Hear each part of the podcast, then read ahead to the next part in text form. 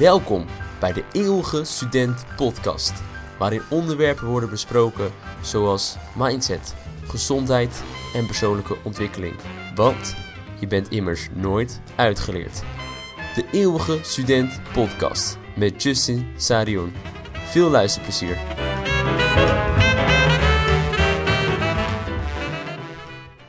Je hebt het misschien al vaak gehoord en misschien zelfs al vaak zelf gezegd.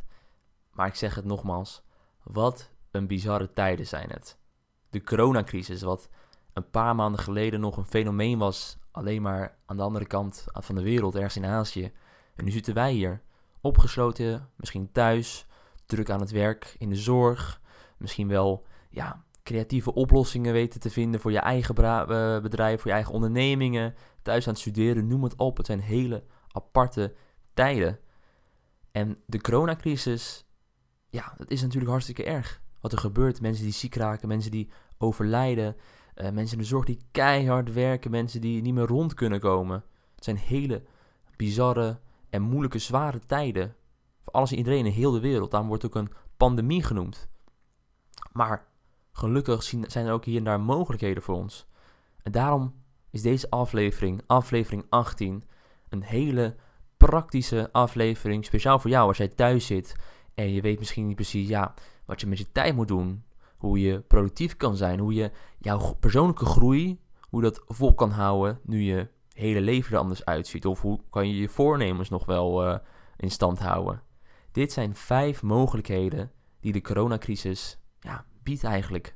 Als je thuis zit, wat kan je met je tijd doen? Hoe kan je nog steeds ontwikkelen? Want dat is natuurlijk hartstikke belangrijk. En veel van de gedachten is ook de mogelijkheden. Misschien klinkt dat heel raar omdat het een moment van crisis is. Maar ik heb expres gekozen voor het, de uh, voor het woord mogelijkheden. En het komt een beetje in de buurt van het stoïcisme, ook wel stoa genoemd in het Nederlands. En het stoïcisme is een praktische filosofie. Dat is gebaseerd uh, op denkers zoals Zeno en Marcus Aurelius. En er zijn figuren uit de oudheid, uit het Romeinse Rijk bijvoorbeeld. En die waren er heel erg mee bezig. Een praktische filosofie. Die hebben ook boeken geschreven zoals Marcus Aurelius Meditations. En die gingen ook door verschillende heftige situaties en wisten zich daardoor toch nog te manoeuvreren. Een bekend boek van vandaag is bijvoorbeeld The Obstacle is the Way, geschreven door Ryan Holiday. En die is een groot uh, voorstander van stoïcisme. En wat hij eigenlijk zegt in zijn boek, of de titel eigenlijk al, The Obstacle is the Way. Als er een obstacle komt, een obstakel in je leven, ga je dan ja, bij de pakken neerzitten en ga je maar kijken naar het obstakel van hé, hey, ik kan niet vooruit, ik kan niet, er is een obstakel op mijn pad. Of wordt het obstakel juist het pad wat je bewandelt?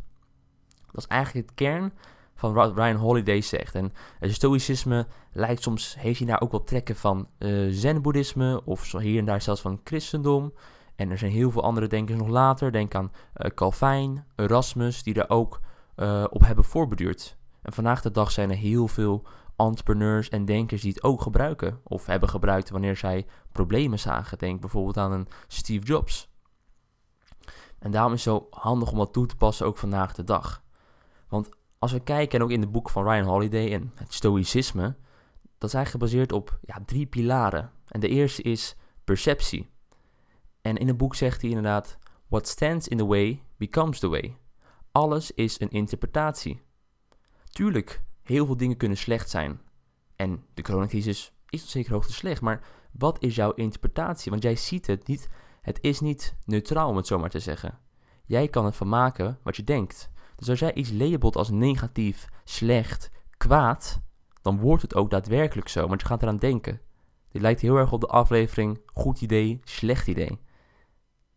En precies als jij het weet dat het misschien niet de ideale situatie is, wat de coronacrisis daadwerkelijk gewoon is, maar je het niet zo erg laat beïnvloeden en je perceptie verandert van hé, hey, ik moet nu thuiswerken, is dat per se een slecht fenomeen. Misschien wel, misschien niet.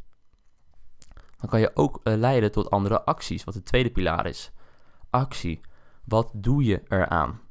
Dus nadat jij je perceptie hebt bepaald, wat doe je nou daadwerkelijk aan de situatie?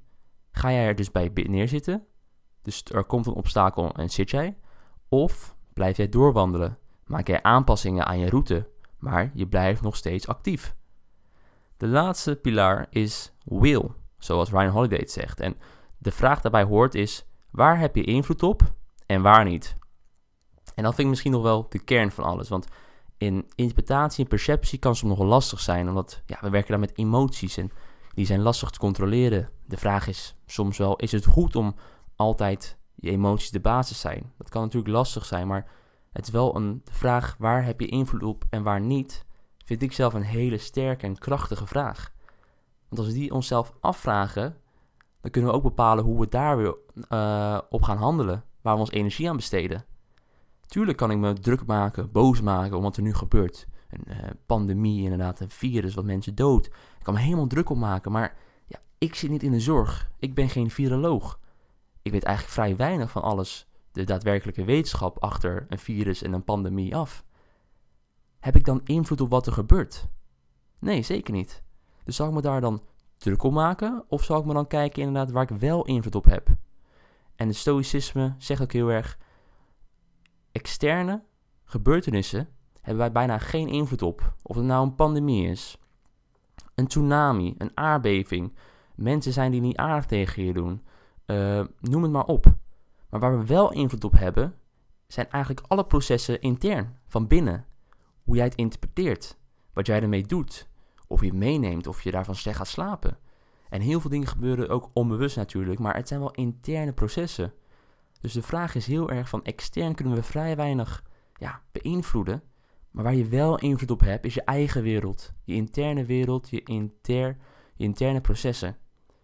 En dat is ook heel handig om dat mee te nemen in de crisis van vandaag. Want als we het nieuws zien, ja, het nieuws is daar. We kan niet, ik kan, je kan het nieuws niet aanpassen. Want het is gebaseerd op meningen, maar ook op daadwerkelijk gebeurtenissen. Maar wat je wel kan aanpassen is, hoe komt het binnen tot jou? Wat voor invloed heeft het? Of misschien zelfs kijk je het nieuws altijd of blijf je uh, het nieuws checken elke minuut. Dat zijn dingen waar je wel invloed op hebt. En deze filosofie is natuurlijk, komt van de oudheid zoals ik al. Maar er zijn ook heel veel mooie voorbeelden van moderne denkers en leiders die het hebben gebruikt. Een mooi voorbeeld hiervan is Nelson Mandela. Nelson Mandela, de vrijheidsstrijder van Zuid-Afrika, die zat 27 jaar lang vast in een gevangenis. En tijdens zijn periode in de gevangenis kreeg hij een kopie, of had hij uh, een kopie van Marcus Aurelius' Meditaties. Eigenlijk dezelfde figuur die een van de keydenkers is van het stoïcisme. En Mandela gaf aan, en ook in zijn acties en zijn handelingen, dat hij heel erg werd beïnvloed door de manier van denken van het stoïcisme. Dus ook toen hij uit de gevangenis kwam, dat hij zei: We kunnen het verleden niet meer terugdraaien. Dus weer een extern proces. Maar wat we hebben, waar kunnen we wel invloed op hebben, is nu president ben, hoe wij omgaan met de klasse, de rasklasse in Zuid-Afrika, met de toekomst. Want ik ben nu de president. dat is precies die derde vraag van wat heb je invloed op, waar heb je invloed op en waar niet. Dat vroeg hij zichzelf ook af. Ook tijdens zijn tijd in de gevangenis gaf hij ook altijd aan in dagboeken dat hij werd, ja, hij werd super slecht behandeld. Maar de bewakers namen nooit zijn vrijheid af. Want zijn vrijheid zat in zijn hoofd, intern. Dus dat is weer een heel mooi fenomeen. En tuurlijk, deze coronacrisis en het thuiszitten, dat is niet hetzelfde als 27 jaar in een gevangenis zitten. Dat hoor je mij zeker niet zeggen. Maar we kunnen wel leren van dat soort mensen die daadwerkelijk in isolatie hebben gezeten. En hoe zij dat hebben overwonnen als jij het lastig vindt bijvoorbeeld.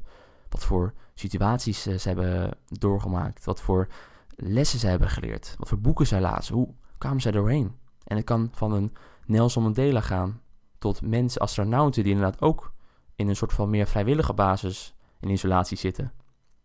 En dat is heel erg handig om te zien. Dus vandaar eigenlijk is het obstakels versus kansen en mogelijkheden. En ik wil liever kansen en mogelijkheden zien.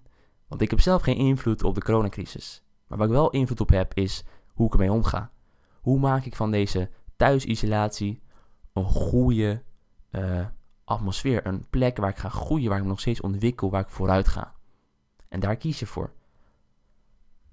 Dus met die vragen, ga ermee aan de slag. En kijk voor jezelf, hoe kan ik inderdaad, waar heb ik invloed op, waar heb ik geen invloed op. Want dan maakt het veel makkelijker en dan word je ook veel gelukkiger van, terwijl je in thuisisolatie zit. En om je dan te helpen, de praktische vijf mogelijkheden die ik al had aangekondigd in het begin van de podcast, die ga ik je nu geven. De eerste mogelijkheid die je eigenlijk nu hebt tijdens de coronacrisis, is te beginnen met nieuwe gewoontes. Begin met een boek te lezen wat al super lang op je nachtkastje staat of in je boekenkast. Begin met schrijven. Een hobby die je altijd leuk vond. Kijk, door de thuisisolatie en doordat de economie eigenlijk heel leven plat is gegooid, zijn er heel veel gewoontes van ons zijn plotseling gestopt. Goede gewoontes, slechte gewoontes, heel veel gewoontes zijn gestopt. Of dat nou de gewoonte is met, ja, met de trein naar het werk te gaan en dan uh, muziek te luisteren of een podcast. Naar elke vrijdag, uh, vrijdagmiddagborrel. Naar overwerken. Naar lekker lunchen. Uh, een bepaalde sport. Noem het allemaal op. Goede, slechte gewoontes. Of dat je met die een bepaald persoon altijd afspreekt en dan rook je altijd. Goede, slechte gewoontes, die zijn opeens weg. Sommige hou je misschien nog aan omdat ze relatief makkelijk te doen zijn binnen zijn huis. Of die zijn zo diep geworteld dat je ze toch al zou doen. Maar genoeg gewoontes, ja, die zijn weg. En hier ook weer, dat kan heel negatief klinken. Maar dat is weer die perceptie, actie en die wil.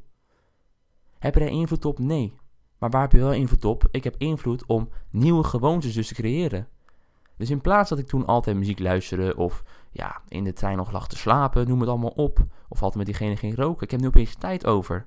Laat ik inderdaad nu mijn boekenkast bekijken en kijken of ik een nieuw boek vind. Laat ik kijken of ik... Ja, ik wilde eigenlijk altijd, toen ik klein kind was, schrijver worden. Laat je gewoon een keer beginnen met schrijven voor de grap. Het is tijd voor nieuwe gewoontes. Een nieuwe mogelijkheid. Want ik hoor zelf zo vaak mensen zeggen, als zij een muzikant zien, ja, wat zou ik graag gitaar willen spelen? Wat zou ik graag piano willen? Wat zou ik graag willen drummen? Dit is de perfecte kans ervoor. Als je tijd nu over hebt, omdat je inderdaad je leven wat stiller ligt, omdat je inderdaad meer tijd over hebt, dan is het nu de kans om weer te beginnen met nieuwe gewoontes. Of misschien speelde je vroeger een bepaald instrument, dan kan je nu weer oppakken. Er zijn weer mogelijkheden om weer opnieuw te beginnen. Oude gewoontes hebben plaatsgemaakt voor de nieuwe gewoontes. Een tweede mogelijkheid is: probeer nieuwe dingen uit. Oké, ik moet toegeven, dit lijkt misschien op het eerste punt dat ik net zei. Begin met, die, begin met uh, een boek te lezen bijvoorbeeld, aan nieuwe gewoontes. Maar punt 1 ging heel erg over repetitie en een nieuwe gewoonte creëren. Punt 2 gaat meer over oriënteren. Gewoon probeer nieuwe dingen uit. En ook weer zonder te judgen. Zonder dat er een oordeel bij zit van negatief, positief, ik ben slecht, ik ben goed, ik kon in vroeg veel beter, noem het maar op. Want er zijn nu ook zoveel mogelijkheden online. Als ik op Facebook zat te kijken, ik zie opeens heel veel bedrijven en initiatieven zijn gestart online. Ik zag dat heel veel sportscholen of personal trainers nu online workouts doen. Via YouTube, Facebook eh, Live, Instagram Live, noem het allemaal op. Vaak eventueel nog zelfs gratis de uh, perfecte mogelijkheid om een bepaalde sportschool uit te proberen. Of een bepaalde trainer, een bepaalde, misschien zelfs een nieuwe sport. Ik zag ook dat er weer uh, heel veel online hangouts waren. Dat mensen online bordspelletjes gingen spelen. Ik heb gezien dat er nieuwe online taalcafés waren. Waar je een nieuwe taal kan oefenen. Van Spaans tot Chinees tot Arabisch, noem het maar op. Dit zijn allemaal mogelijkheden om jezelf te oriënteren. En ja, je hoeft niet eens naar buitenland te gaan. Je kan gewoon achter je scherm kan je een nieuwe taal beginnen te leren. Misschien wel voor in de toekomst. Dus het is weer een perfecte mogelijkheid, deze situatie, deze coronacrisis, deze thuisisolatie, om te oriënteren en om nieuwe dingen uit te proberen. De derde mogelijkheid die de coronacrisis biedt, is vrijwilligerswerk. We hebben allemaal al hele goede initiatieven gezien. En we kunnen allemaal bijdragen aan mensen die misschien minder breed hebben of minder goed in deze situatie. En tuurlijk, je hoeft niet per se uh, kennis te hebben van de zorg of geneeskunde. Want die zijn natuurlijk hartstikke goed bezig nu. Maar we kunnen ook al hele kleine taakjes doen voor mensen. Ik zag op mijn eigen Facebook een heel mooi initiatief langsgaan van studenten. Die gaven aan wat zij hebben gestudeerd of wat zij studeren. En als er mensen zijn die geïnteresseerd zijn om te willen vragen, omdat ze ook te zitten te denken om die studie te gaan doen, dat ze een contact kunnen opnemen. Dat is ook een vorm van vrijwilligerswerk. Even zwaaien naar mensen, inderdaad wat president Rutte vaak zegt inderdaad, kijken of het gaat met de buurvrouw of buurman. Maar dit is ook misschien een mogelijkheid om gewoon je hobby groter te maken. Nou altijd al bezig geweest met social media marketing, gewoon voor de lol, of met programmeren of dat soort zaken? Zeg het op Facebook of Doe een WhatsApp berichtje naar mensen. Zorg dat, het, dat je het openbaar maakt. Want misschien kan je wel op een hele leuke manier mensen helpen. Voor jezelf meer ervaring opdoen. Nieuwe skills leren. Wie weet kan het een vaste vrijwilligerswerk worden. Misschien word je beter en misschien kan je zelfs, weet ik veel, na een jaar een baan erin krijgen. Noem het allemaal op. Het is een enorme mogelijkheid weer om nieuwe dingen te leren, maar ook aan te bieden en daadwerkelijk te helpen. Misschien kan jij de lokale juffrouw helpen met online uh, content voor studie, omdat jij heel handig bent met filmpjes of heel veel weet juist van hoe online uh, leren nou precies aan de slag gaat. Misschien kan je wel, als jij een ondernemer bent en het zijn hele lastige tijden nu, kan je misschien wel berichtjes sturen naar andere ondernemers om samen een club te beginnen, om samen te, elkaar te helpen. hey, waar zit jij nou precies mee? Waar loop jij tegenaan? Wat, wat zijn jouw obstakels? Misschien ontstaat juist wel een hele mooie ja, een broederschap van ondernemers die zelfs na de crisis nog kan bestaan. Dat is weer een enorm mogelijke mogelijkheid voor deze crisis. De vierde is een schoonmaak. Nou, ik ben zelf niet inderdaad een groot fan van schoonmaken, maar het is de perfecte kans. Een fysiek, fysieke schoonmaak en een mentale schoonmaak. En een fysieke schoonmaak spreekt voor zichzelf. Gewoon letterlijk schoonmaken. Want ja, als je kamer of je huis er niet schoon uitziet, ja, hoe kan het dan binnen zijn huis, binnen bij je hersenen en je hoofdje er dan ook schoon uitzien. De perfecte kans om alles op te ruimen in de tuin, de schuur, noem het op. Maar mentaal is het ook perfect. Het is de perfecte tijd om inderdaad schoon te maken. Even na te gaan van hé, hey, je hebt een rust misschien periode, je bent even weg van kantoor. Je kan nu heel goed nadenken van wauw, hoe was kantoor eigenlijk? Of misschien op de unie of op school, hoe was het daar? Misschien zat je altijd wel te mopperen en kom je nu tot de conclusie dat het eigenlijk helemaal niet zo slecht was. Dat je het heel erg mist, dat, de, dat je geweldige collega's eigenlijk hebt en een geweldig team of geweldige studenten. Neem die tijd om daarover na te denken en inderdaad die schoonmaak in je hoofd te hebben, die mentale schoonmaak. Zodat je die gedachten, de negatieve gedachten die je eerst had, eruit kan halen en die kan vervangen met nieuwe gedachten van hé, hey, ik heb eigenlijk een superteam waarmee ik werk op de afdeling. Of misschien het tegenovergestelde van mijn team ik, dit is helemaal niet de plek waar ik hoor te zijn. Ik wil eigenlijk niet per se deze functie hebben of deze studie of noem het maar op. Een hele goede mogelijkheid om een schoonmaak in te voeren. En ik, ik vond het eigenlijk heel mooi, want ik krijg de laatste tijd heel vaak meldingen van mijn iPhone. Waar staat iCloud reservekopie al acht weken niet gemaakt. Of twaalf weken, of noem het op. En ik weet, meerdere mensen krijgen die meldingen. Maar dat is precies hetzelfde. Met je mentale uh, gemoedtoestand. Zorg dat je een reservekopie maakt inderdaad. En hoe maak je een reservekopie? Door te schoonmaken en om na te denken. Door te mediteren, door erover te praten. Uh, journalen, schrijf het op inderdaad. Zo maak je weer die schoonmaak. Want nu ook in de coronatijd, om nog steeds bij die beeldspraak te blijven van een iPhone of een mobiele telefoon. Hoe vaak heb jij niet al een afbeelding, een meme, een filmpje gekregen met wat iets te maken had over de coronacrisis? Of het nou ging over dat je handen kapot waren of over de thuisisolatie. Ik heb er zelf echt al veel te veel gekregen. Ik werd er helemaal gek van. En mijn geheugen zat ook helemaal vol. Letterlijk mijn geheugen in mijn brein, maar ook mijn geheugen van mijn mobiel. Wat doe je dan? Nou, ik leg mijn mobiel weg. En als mijn mobiel wel bijpak, betekent dat ik wat dingen moet verwijderen. De vraag is, verwijder je ook dingen van je mentale geheugen? Neem je de tijd om inderdaad eventjes je gedachten op papier te zetten. Of om even te mediteren, te kijken waarmee je nog zit. Dit is allemaal weer een schoonmaak. En een fysieke schoonmaak gebeurt vaak in één keer snel, een hele dag en bam, het is schoon. Maar mentale schoonmaak kan eigenlijk dagelijks, misschien wekelijks, dat je een momentje voor jezelf pakt om eventjes het weer schoon te maken. Dan de laatste mogelijkheid tijdens de coronacrisis. Er zijn waarschijnlijk nog veel meer, maar ik wilde het vandaag praktisch voor jullie houden. Nummer 5 is, neem contact op, contact op met iemand die je al heel lang niet meer hebt gesproken. En misschien ringt er Misschien denk je nu gelijk wel aan iemand. Neem gewoon contact op.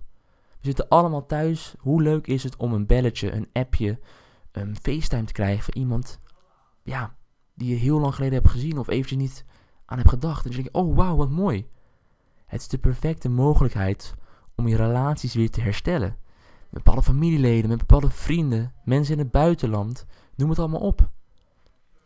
Dit is de kans. Mensen zitten over het algemeen toch thuis het wordt steeds normaler om te facetimen. Te, uh, hangouts heb je, Zoom, noem het allemaal op.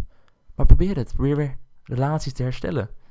er komen weer hele nieuwe mogelijkheden weer uit, uit een nieuwe relatie. Het mooie is, je hoeft niet per se ook een nieuwe relatie, je kan ook bepaalde relaties versterken. Laat iemand weten dat je diegene mist. Van hé, hey, ik mis echt een keer dat we altijd uh, aan het borrelen zijn. Of dat we altijd samen sporten. Dit is de perfecte mogelijkheid door die schoonmaak te maken. Door vrijwilligers noem het op om dan te kijken van hé, hey, laat ik een lief berichtje sturen of even aan iemands deur kloppen, digitaal natuurlijk. Om te kijken of er weer contact kan worden gemaakt.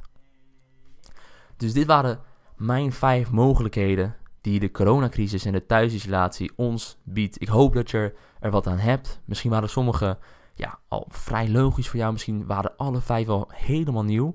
Ik hoop dat je ermee aan de slag gaat. Laat het vooral weten op Facebook, op Instagram.